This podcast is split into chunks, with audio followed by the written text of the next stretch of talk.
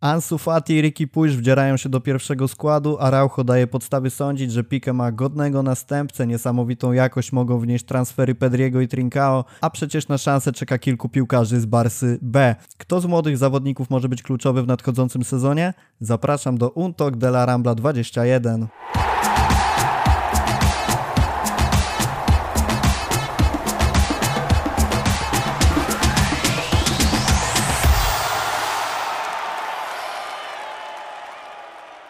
Jeżeli mówimy o młodych talentach, to gościem w podcaście nie może być nikt inny jak Piotr Guziński. Siemanko Piotrek. Siemanko, witam wszystkich. Prawdziwy specjalista od zawodników, którzy dopiero przebijają się do profesjonalnej piłki. Zanim przejdziemy do głównego tematu, przypominam o hashtagu UTDLarambla, łapkach w górę, subskrypcji kanału i udostępnieniach naszego podcastu, żebyśmy mogli docierać do szerszego grona odbiorców.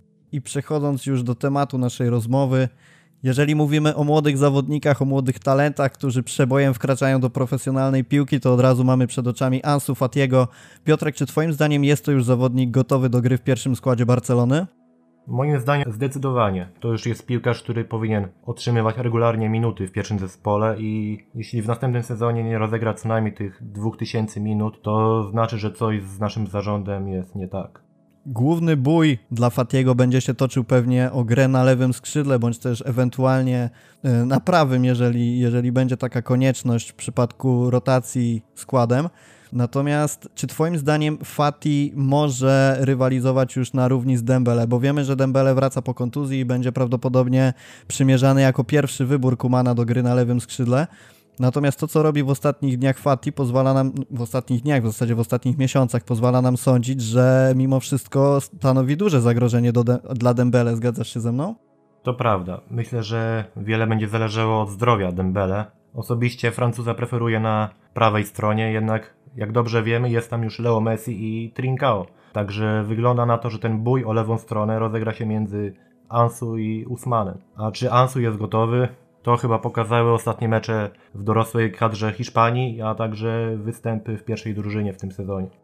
Poza tym, że może rozgrywać mecze na skrzydle, e, mówi się też dużo o tym, że Fati byłby dobrym wyborem na pozycję numer 9. Wiemy, że w Barcelonie, w tej pierwszej drużynie, nie był jeszcze tak naprawdę na poważnie testowany na tej pozycji, poza tym, że gdzieś tam okazjonalnie rozgrywał końcówki meczów na, na dziewiątce.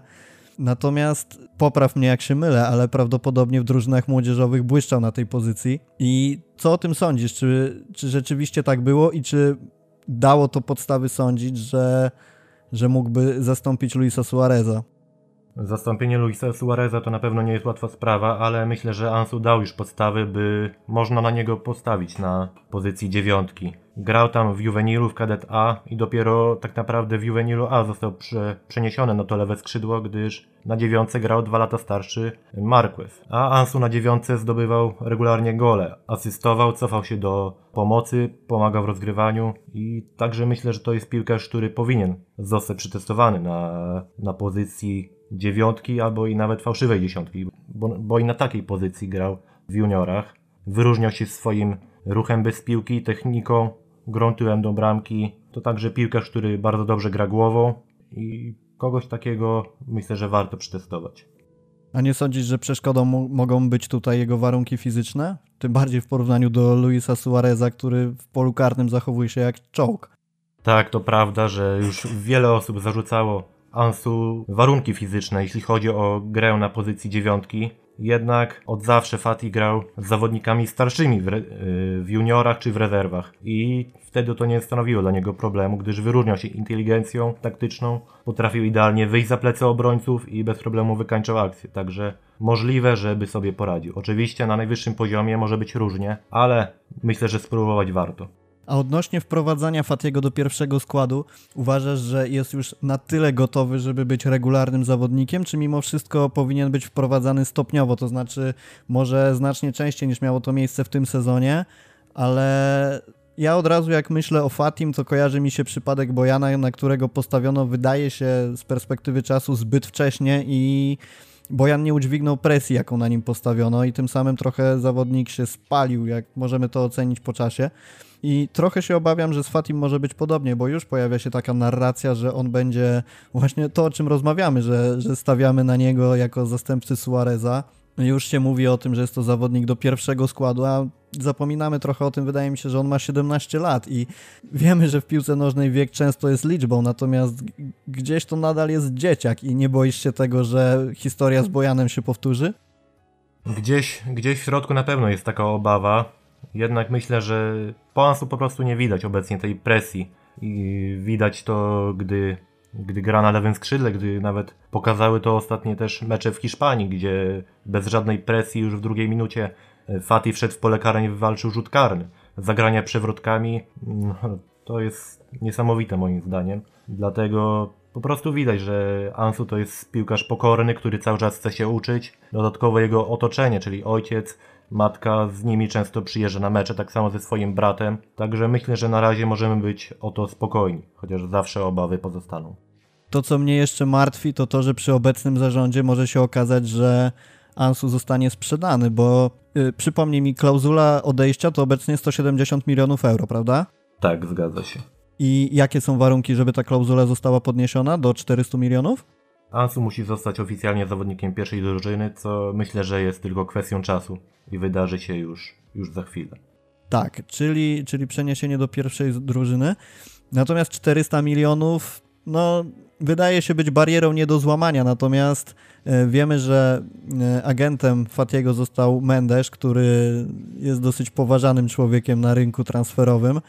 E, wiemy, że zarząd Barcelony jest raczej skłonny do dziwnych decyzji, tym bardziej po tym jak ratując sytuację finansową wymienił Artura na pianicia. Nie zastanawia cię to? Nie boisz się o to, że, że być może w następnym okienku ten czar pryśnie i Ansu zostanie sprzedany, żeby ratować sytuację finansową klubu? Myślę, że Ansu nie odejdzie z Barcelony i w to akurat nie jestem w stanie uwierzyć. Dodatkowo w następnym okienku będzie już nowy zarząd, także myślę, że nasza kadra będzie budowana na Fatim i innych młodych z Barcy B. A co do Mendesa, to myślę, że został zatrudniony tylko do wynegocjowania lepszego kontraktu dla Ansu zrobiłem trochę za szybki skrót myślowy, bo oczywiście chodziło mi o to, że nowy zarząd będzie musiał sprzątać po starym i konsekwencją tego będzie sprzedanie, e, sprzedanie Ansu, ale oczywiście masz rację, że, że nowy zarząd będzie i być może podejdzie do tego rozsądniej niż obecny. No dobra, to przechodząc dalej, bo wydaje mi się, że o, o Ansu już sobie trochę powiedzieliśmy. Druga, druga postać, która przebojem wdziera się do pierwszej drużyny to Ricky Puig, i podobnie jak w przypadku Ansu, dużo mówi się o tym, że jest to zawodnik już gotowy na to, żeby wychodzić w podstawowej jedenastce. Tym bardziej obserwując to, co działo się w ostatnich latach z pomocą Barcelony, czyli mozolna, niezdecydowana gra przeważnie do boku, na, na tle której Ricky wypadał po prostu fenomenalnie i to jak potrafił operować piłką, to jak uruchamiał zawodników e, z, z formacji ofensywnych. Sądzisz, że Ricky jest już gotowy do tego, żeby wychodzić w podstawowej jedenastce? Myślę, że tak, zwłaszcza, że zdecydowanie poprawił się w grze w obronie, jest lepszy taktycznie, a oprócz tego dysponuje znakomitą techniką. Ma po prostu to, co powinien mieć pomocnik Barcelony. Technika, wychodzenie do podań, uruchamianie skrzydłowych swoimi podaniami i myślę, że na nim po prostu trzeba budować kadrę. Jeśli on i Jansson nie rozegrają w zeszłym sezonie, w przyszłym sezonie oczywiście, łącznie około 4000 minut, to naprawdę się zdziwię. A jak widzisz w ogóle te formacje pomocy w nadchodzącym sezonie? Bo ja powiem szczerze, że zgadzam się z Laramblą w kwestii Busquetsa, że jest to zawodnik, którego trzeba już po prostu odstawić do głębokiej rezerwy. Można w jego grze doceniać to, że jest pewnie piłkarzem nadal bardzo inteligentnym, który dużo widzi, natomiast z tego myślenia niewiele wynika, co nawet pokazał ten mecz sparingowy na początku, na początku tego sezonu. Wydaje się, że Kuman będzie chciał postawić na De Jonga, co wydaje się bardzo naturalne i wręcz oczywiste. Mówisz o Pójżu, który wydaje się być już gotowym do gry w pierwszym składzie, co ja również tak uważam. A kto będzie tym trzecim i być może czwartym pomocnikiem? Coś mi mówi, że Ronald będzie chciał postawić na Coutinho w linii pomocy, możliwe, że na pozycji dziesiątki. Jednak kto może być kolejnym pomocnikiem? Mówiło się o transferze Wijnalduma, ale wydaje się, że temat nieco ucichł. Także możliwe, że i Frankie i Ricky będą grać razem w linii pomocy. No jest też pianić, ale ja gdzieś mam nadzieję, że Kuman będzie chciał wprowadzić właśnie De Jonga, Rickiego i mam takie ciche marzenie o tym, że Coutinho po tym jak został trochę odrzucony w poprzednim sezonie jednak wróci i pokaże na co go stać, a pianić będzie tym wchodzącym z ławki. Idąc dalej, przez, przeglądając tych naszych e, młodych zawodników, mamy takiego pana, który nazywa się Ronald Araujo. Trzeci stoper w nadchodzącym sezonie, czy jeszcze za wcześnie? Czy mimo wszystko klub będzie chciał odzyskiwać Umtitiego, a Araujo stawiać jako tego czwartego? Myślę, że Araujo już w przyszłym sezonie będzie naszym trzecim obrońcą. Już we wczorajszym meczu, no można powiedzieć, Araujo zagrał z numerem 4 na plecach, co myślę, że potwierdza, że, że będzie członkiem pierwszej kadry. A czy jest za wcześnie? Myślę, że myślę, że jest to odpowiedni czas, żeby, żeby powierzyć mu rolę trzeciego obrońcy. Obserwowałeś go na pewno, jak spisywał się w drużynach młodzieżowych. I powiedz, jakie są takie jego główne zalety, które stawiają go no nad Umtitim to wiadomo, że zdrowie, ale nad innymi kandydatami do miana trzeciego obrońcy? Przede wszystkim znakomite warunki fizyczne i przygotowanie do meczu. To naprawdę jest top. Jeśli chodzi o przyspieszenie, grę głową, czy też stwarzanie zagrożenia pod bramką, bo Aracho był jednym z najlepszych zawodników Barsy B w punktacji kanadyjskiej, co jest naprawdę imponujące. Do tego dochodzi świetne czytanie gry, gra ślizgami. Myślę, że cały czas może się poprawić, jeśli chodzi o wyprowadzenie piłki, ale już, już w tym momencie widać poprawę w tym aspekcie. To, o czym powiedziałeś, przypomina mi nieco profil Todibo, który wydaje się, że już jest odstawiony na boczny tor. Sądzisz, że Araujo rzeczywiście jest lepszy i że rezygnacja z Todibo to słuszny krok? Osobiście jestem fanem Todibo i chciałbym, żeby został jeszcze w pierwszej drużynie. Jednak wygląda na to, że zarząd będzie chciał go sprzedać i spożytkować pieniądze z jego transferu na transfer pomocnika lub napastnika. A Araujo wydaje się być gotowy na pierwszy skład i pozostaje powierzyć mu tę rolę. A na pewno y, Urugwajczyk jest lepszy od Todibo, jeśli chodzi o grę w obronie. Jest też lepszy taktycznie, lepiej radzi sobie też y, w akcjach ofensywnych. Jeżeli mówimy o obronie, to nie możemy też nie wspomnieć o Eriku Garcii, transfer, który wydawałoby się, że jeszcze niedawno był pewniakiem i że jest dopięty, jeżeli nie na ostatni guzik, to na ten przedostatni już na pewno. Natomiast teraz wraz z mijającym czasem i tym przybliżającym się początkiem startu sezonu ligowego, gdzieś więcej się mówi w zasadzie o tym, że Eric Garcia przyjdzie w przyszłym sezonie, aniżeli już teraz. Jak ty postrzegasz w ogóle ten transfer? Czy jest to konieczność? No bo powiedzieliśmy sobie, że jest Araujo, gdzieś tam przewija się ten Todibo. Garcia, wiadomo, Liga Angielska i, i dużo mógł się tam nauczyć. Natomiast czy jest to transfer konieczny? A jeżeli tak, to czy na ten moment, czy już teraz, czy mimo wszystko możemy poczekać do przyszłego sezonu? Myślę, że jeśli Erik miałby przyjść teraz, to tylko za sumę mniejszą niż 20 milionów. Jeśli City by nie chciało go sprzedać taniej, to myślę, że warto zaczekać do następnego sezonu i po prostu zgarnąć go za darmo. Zwłaszcza, że mamy Araujo, i to on może pełnić rolę trzeciego obrońcy. Osobiście bardzo bym chciał transferu Erika do Barcelony, y, ponieważ wydaje się on naturalnym następcą Gerardo Piqué. Uważam, że powinniśmy powalczyć o jego transfer, zwłaszcza, że możemy go mieć za darmo. A nie robi się za duży tłok, bo ja się nie spodziewam, że Piqué odejdzie, ani w tym, w tym to wiadomo, że nie odejdzie, ale nawet w następnym okienku transferowym wydaje mi się, że nie odejdzie. Mamy Lengle, który spisuje się doskonale. E, powiedzieliśmy już sobie, że klub będzie chciał stawiać na Araujo. Zakładając, że Umtitiego i Todibo raczej już nie liczymy w tej walce o pozycję w obronie, robi nam się czterech obrońców na dwie pozycje, wśród których mamy tak naprawdę dwóch, czyli mam na myśli Erika Garcia, jeżeli przyjdzie i Araujo, którzy tych minut będą potrzebować. Z drugiej strony mamy dobrego Lengleta i, i Piqué, którzy pewnie też będą sporo grać. Nie sądzisz, że transfer Erika Garcia mógłby nieco spowodować zatrzymanie jego rozwoju? Myślę, że w jakiś sposób na pewno, z tym, że ja obstawiam, że jest to ostatni sezon Pique w Barcelonie, także osobiście też uważam, że Erik i Ronald mogą razem grać w pierwszej drużynie. No to powiem Ci, że odważnie, bo ja jakoś nie widzę Pique odchodzącego z Barcelony po tym sezonie, ale zobaczymy, zobaczymy. Pedri i Trincao to transfery e, bardzo świeże. Prawdopodobnie większość osób tylko liznęło temat, jakim jest ich gra, pewnie gdzieś tam na kompilacjach YouTube'owych. Czy mógłbyś nam przybliżyć profil tych zawodników i jak widzisz ich rolę w nadchodzącym sezonie? Bo wydaje się, że po tym sparingu ich przyszłość w Barcelonie będzie rysować się raczej w kolorowych barwach. Y, wydaje się, że tak. Pedri w pierwszej połowie był jednym z lepszych zawodników Barcelony. Został wystawiony na prawym skrzydle, jednak miał wolną rolę i cofał się również do pomocy. Odnośnie właśnie Pedriego, to myślę, że może zagrać na kilku pozycjach. Tutaj przeważa fakt, że Pedri jest bardzo wszechstronny, potrafi zagrać na prawym skrzydle, na lewym skrzydle, poradzi sobie w formacji 4-2-3-1 czy też 4-4-2.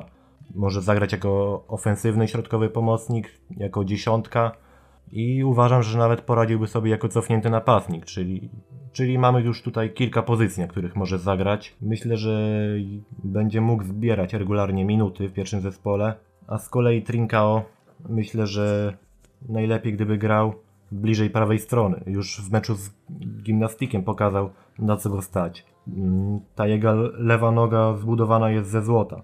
Nie boi się wchodzić w pojedynki z kilkoma graczami. Powinien wywalczyć nawet karnego w tamtym meczu. Dodatkowo ta piłka do Konrada, która powinna skończyć się asystą, mm, wyglądał naprawdę na gościa, na którym można budować kadrę. A mówiąc, że można budować na nich kadrę, myślisz raczej o tak idąc trochę y, śladem naszych rozmów o Pujżu i o Fatim, że mogą być to zawodnicy, którzy regularnie występują w 11. No wiemy tutaj, że Trincao prawa strona to raczej Messi go zablokuje. Natomiast bardzo mnie ciekawi, co pomyślisz o, co myślisz o Pedrim, bo to, to jest wciąż młody zawodnik. Natomiast mi się wydawało, bo szczerze mówiąc nie oglądałem jego meczów za dużo, ale na podstawie tego meczu z gimnastikiem, że jest to bardzo dojrzały zawodnik, bardzo ambitny, nawet jak na swój wiek. I te pomysły o wypożyczeniu go, ok, bardzo rozsądne, bo wiadomo, że musi się rozwijać i, i te minuty dostawać. Natomiast zastanawiam się, czy wypożyczenie go do jakiejś słabszej drużyny, na przykład z zaplecza La Ligi do, do Segunda, nie zablokowałyby jego rozwoju. Natomiast jeżeli mamy go wypożyczać do drużyny z, z hiszpańskiej ekstraklasy z La Ligi, to mi się wydaje, że mimo wszystko wzmacniamy rywala, bo gość ma olbrzymi potencjał i, i już na tym etapie kariery może Barcelonie bardzo pomóc. No, to na pewno. Myślę, że o dojrzałości Pedriego świadczy fakt, że w zeszłym sezonie rozegrał w Las Palmas najwięcej minut. Dodatkowo był zawodnikiem, który zanotował najwięcej asyst. A jeśli chodzi o możliwości wypożyczenia, to uważam, że nie jest to głupi pomysł, ponieważ w linii ataku jest obecnie dużo zawodników i minuty Pedriego mogą być ograniczone. Jednak Hiszpan ma na pewno szansę na występy w linii pomocy. Dodatkowo pomaga mu tutaj fakt, że jest zawodnikiem wszechstronnym. A co do wzmacniania rywala w rozrywkach La Ligi, to myślę, że jeżeli któryś klub byłby w stanie zagwarantować mu regularnie minuty, to myślę, że można zaryzykować. A kogo jeszcze z Barsybę widziałbyś z możliwością wzmocnienia pierwszej drużyny, bo tych nazwisk przewija się dużo. Przede wszystkim ciekawi mnie, co, co sądzisz o Mączu, który wydaje się, że nie jest brany pod uwagę i pewnie lepiej orientujesz się w tej sytuacji, natomiast nawet do mnie dotarło już dużo głosów, że możliwe, że odejdzie z Barcelony. No niestety wszystko na to wskazuje, że Mączu pożegna się z Barceloną, co dla mnie jest ogromnym rozczarowaniem, bo to jest piłkarz, który powinien otrzymać awans do pierwszej drużyny. W zeszłym sezonie ciągnął grę Barsy B, strzelił 10 bramek, zanotował 3 asysty. Kapitan zespołu, lider, żelazne płuca, walka o każdą piłkę, zawsze lojalny wobec klubu, wyróżniający się swoim profesjonalizmem. Jeżeli takiego zawodnika potrafimy pożegnać bez bez słowa i tak naprawdę dając mu kilka minut debiutu, to tylko pokazuje w jakim jesteśmy obecnie momencie i szukamy tak naprawdę zarobku na graczach rezerw i nic się nie zmienia w tym fakcie, że zawodnicy odchodzą bez otrzymania poważnej szansy. A jeśli ktoś ma otrzymać poważną szansę, to takim zawodnikiem jest Mączu. Czyli Twoim zdaniem powodem odejścia Mączu do innego zespołu będzie to, że Barcelona właśnie szuka zarobku na nim? Czy może jednak to, że w pierwszej drużynie po prostu nie ma dla niego miejsca? Skoro mówi się o transferze Wijnalduma, to myślę, że dla Mączu jest miejsce, ponieważ mógłby pełnić bardzo podobną rolę do Holendra. A co do zarobku, to już się pisało nawet o tym, że Barcelona ma zamiar sprzedawać zawodników rezerw, żeby zarobić pieniądze, jednak w planie jest to, żeby zachowywać opcję odkupu zawodnika. To powiedz jeszcze proszę, jaką pozycję byś widział dla niego w pierwszym zespole na podstawie tego, co prezentował w rezerwach, bo ja ciągle trzymam kciuki, że, że nie odejdzie i ten, ta, ta myśl produkowania, że tak brzydko to nazwę, zawodników w La Masia będzie kontynuowana i Moncho awansuje. Mimo wszystko będę trzymał za to kciuki. Jakie miejsce w pomocy dla niego? Jeżeli Barcelona będzie miała zamiar grać ustawienie 4-2-3-1, to myślę, że Monchu powinien może grać obok Frankiego de Jonga, tej dwójcy cofniętych pomocników. Tam myślę, że spisałby się bardzo dobrze. I kto jeszcze z Barcelony B? Szczerze mówiąc, bardzo mnie ciekawi, co sądzisz o pozycji numer 9, jeżeli chodzi o obsadzenie tej pozycji kimś z, z zaplecza pierwszej drużyny, bo dużo się mówi właśnie o tym na przestrzeni ostatnich miesięcy, że Barcelona, że rezerwy Barcelony, że La Masia przestała dostarczać zawodników na tę pozycję, że ostatnim bodajże był Abel Ruiz, który też nie do końca sprawdził się w Barcelonie i czy jest ktoś taki, kto ewentualnie mógłby zastąpić Suareza? Oczywiście mówiliśmy o Fatim, ale czy, czy w Barcelonie B jest ktoś taki? Myślę, że obecnie nikogo bym tam y, nie wskazał z potencjałem na zastąpienie Suareza. Jest Gerard Fernandez, który w zeszłym sezonie w Juvenilu A grał bardzo dobrze. Strzelił, y, z tego co pamiętam, 20 bramek i zanotował chyba 3 asysty. Napastnik z świetnym timingiem, kontrolą, techniką, potrafiący grać głową i tyłem do bramki, dobrze czujący się też y, w ciasnych przestrzeniach, a także ciężko pracujący w obronie. Mimo tego, że nie ma powalających warunków fizycznych, to wygrywanie pojedynków z kilkoma zawodnikami nie sprawiało mu problemu. W Barsy B nawet rozegrał już kilka meczów pod koniec zeszłego sezonu i strzelił nawet bramkę po pięknym podaniu Kojado. Ale właśnie, z napastnikami, którzy wchodzą do Barsy B jest ten problem, że potem potrafią znikać i nawet jeśli zapowiadają się świetnie, to wejście na ten często najwyższy poziom to stanowi duży problem dla tych zawodników. Poza dziewiątką wydaje mi się, że bardzo dużym problemem pierwszej drużyny Barcelony jest słabe obsadzenie boków obrony, bo o ile Alba w ostatnich sezonach spisywał się bardzo dobrze, dobrze lub średnio, e, z naciskiem na dobrze, bo mimo wszystko ja uważam, że Hiszpan jest bardzo dobrym lewym obrońcą. O tyle już Firpo to jest moim zdaniem bardzo nietrafiony transfer. Biorąc pod uwagę wiek Alby, myślę, że to już najwyższa pora, żeby szukać e, zastępcy. Nie udało się ściągnąć Jose Luisa Gai z Walencji. Nie rozumiem czemu, ale, ale w zasadzie nie poczyniono takich kroków. Z drugiej strony mamy Sergiego Roberto, który jest piłkarzem tak bardzo wszechstronnym, że w zasadzie na żadnej pozycji nie występuje dobrze. Jest powiedzmy takim zadaniowcem, który spisuje się raz lepiej, raz gorzej, ale, ale na pewno prawym obrońcą nie jest. Mamy Semedo, który według mnie oczywiście jest najsłabszym zawodnikiem pierwszej jedenastki, jeżeli w niej wychodzi i jest takim zawodnikiem na przetrwanie, który niewiele daje, ale, ale koniec końców nie ma lepszego wyboru, więc gra. Czy w Barcelonie B, bądź też niższych sekcjach oczywiście, jest ktoś, w kim możemy upatrywać wzmocnienia tych pozycji? Jeśli chodzi o prawą obronę, to tej chwili nie widzę takiego zawodnika. Jest wprawdzie Sergi Rozanas, który awansował do Barcy B, ale uważam go po prostu za co najwyżej solidnego zawodnika, który może podążyć drogą Sergiego Palencji, a dodatkowo wypadł teraz na kilka miesięcy z powodu kontuzji.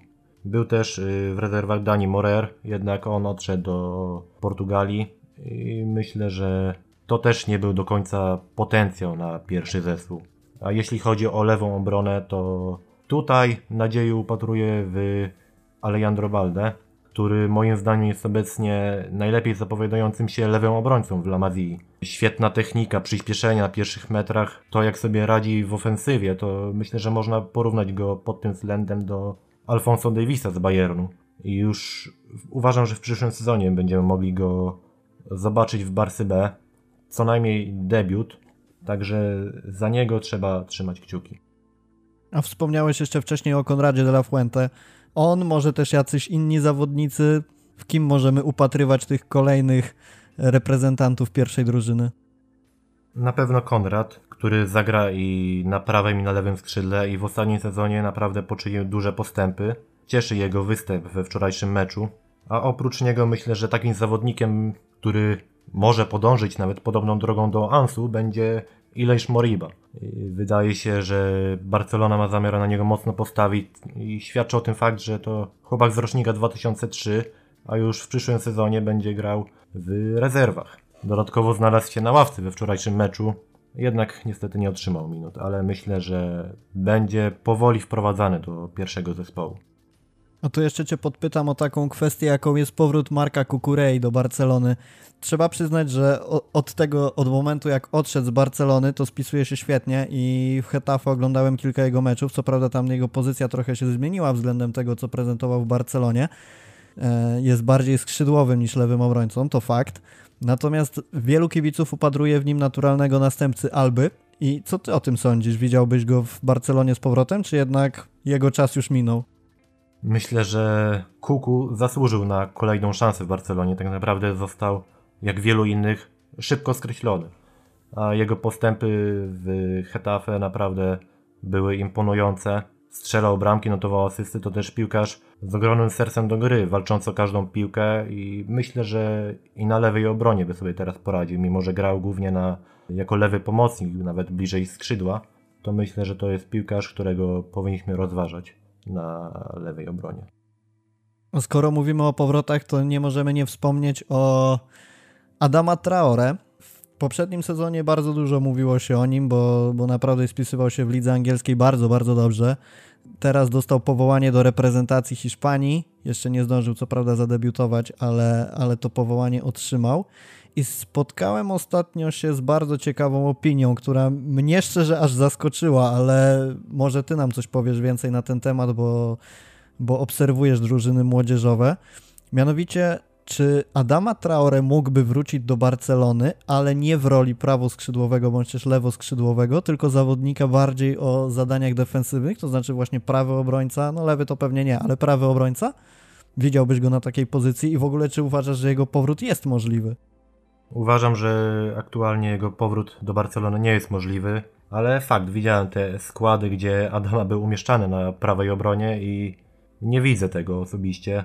Główny zarzut, jaki się stawiało wobec Semedo, to gra w obronie, inteligencja taktyczna i myślę, że z tym Traore miałby duże problemy. Może i dawałby dużo w ofensywie, jednak te mankamenty w obronie sprawiałyby, że, że zostałby szybko skreślony.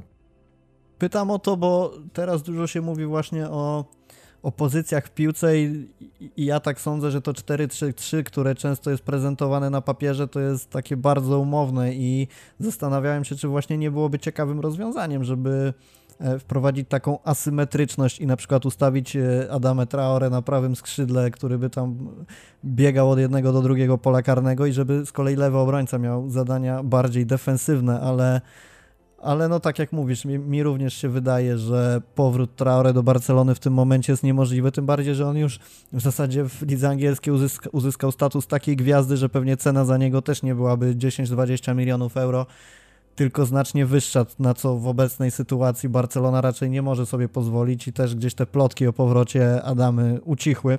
Stety, niestety, ja uważam, że ciekawym doświadczeniem byłoby zobaczenie go w koszulce Barcelony. Ale jak już jesteśmy przy prawych obrońcach, to nie możemy też nie wspomnieć o Emersonie, który aktualnie rozgrywa swój sezon w Realu Betis.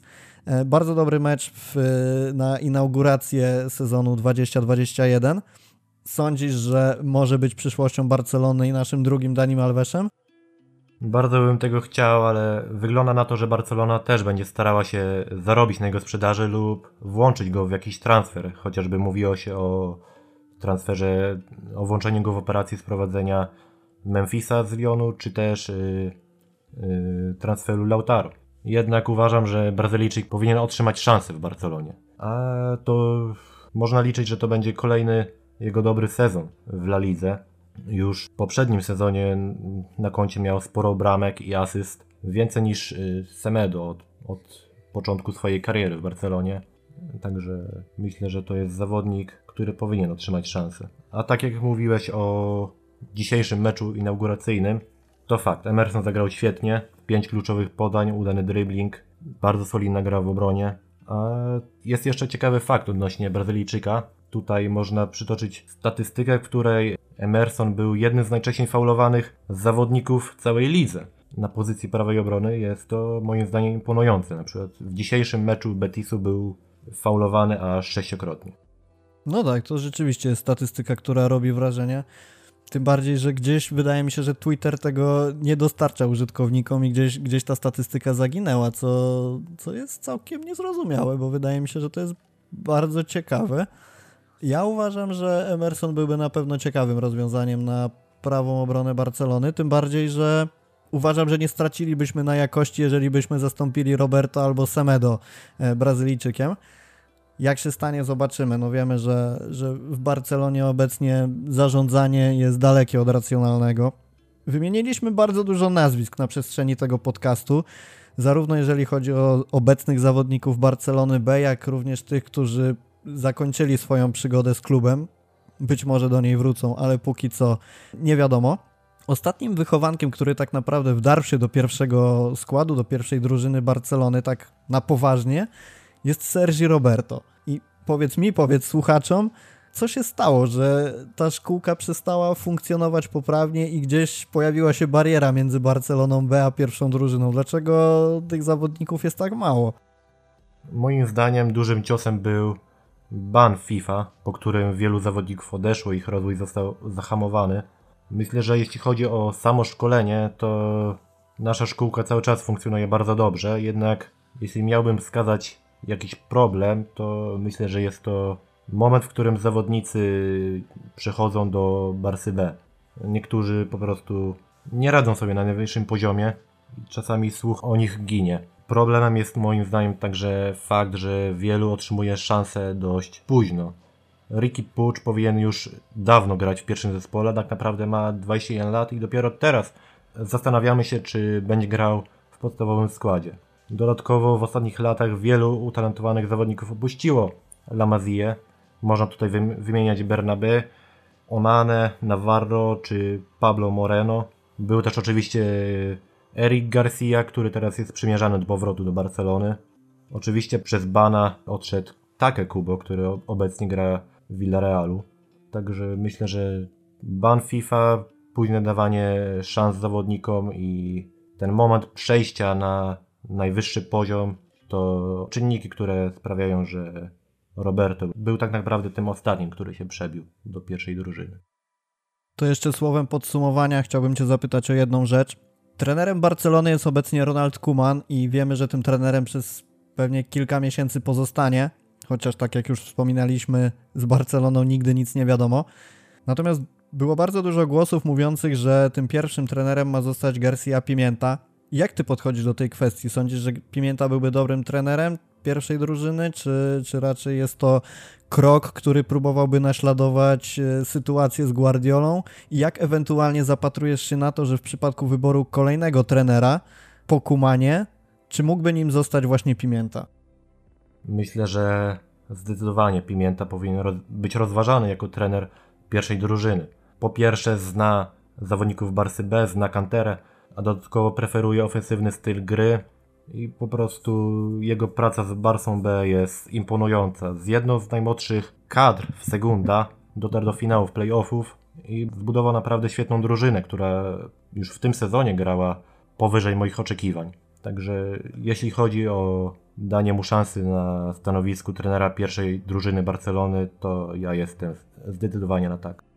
A sądzisz, że wystarczyłoby mu charakteru i takiej pozycji, żeby w zasadzie zbudować, czy potrafiłby zbudować taką pozycję w szatni, żeby piłkarze go szanowali, bo to też był problem w ostatnich latach. Wiemy, że Valverde tej pozycji jakby nie do końca ją zdobył, no Setien tym bardziej. Kuman mam, wrażenie, że ma tę zaletę i przewagę nad e, innymi kandydatami, że jest byłym zawodnikiem, który w tym 92 znacznie przyczynił się do Pucharu Europy, który jest legendą Barcelony i tu już na starcie jest po prostu przez szatnie poważany i do tego tylko będzie dokładać te cegiełki jako trener. Natomiast Pimienta nie ma aż takiego zaplecza na, na polu zawodnika i też jako trener nie jest aż tak doświadczony jak Kuman mimo wszystko. Sądzisz, że potrafiłby zbudować swój autorytet w szatni? Oczywiście Kuman ma ten autorytet legendy w szatni. Jednak Pimienta to jest trener, który nie siedzi na ławce podczas meczu. To trener z charyzmą, który potrafi krzyknąć na zawodników, zmobilizować ich do gry, zmienić ustawienie w trakcie meczu.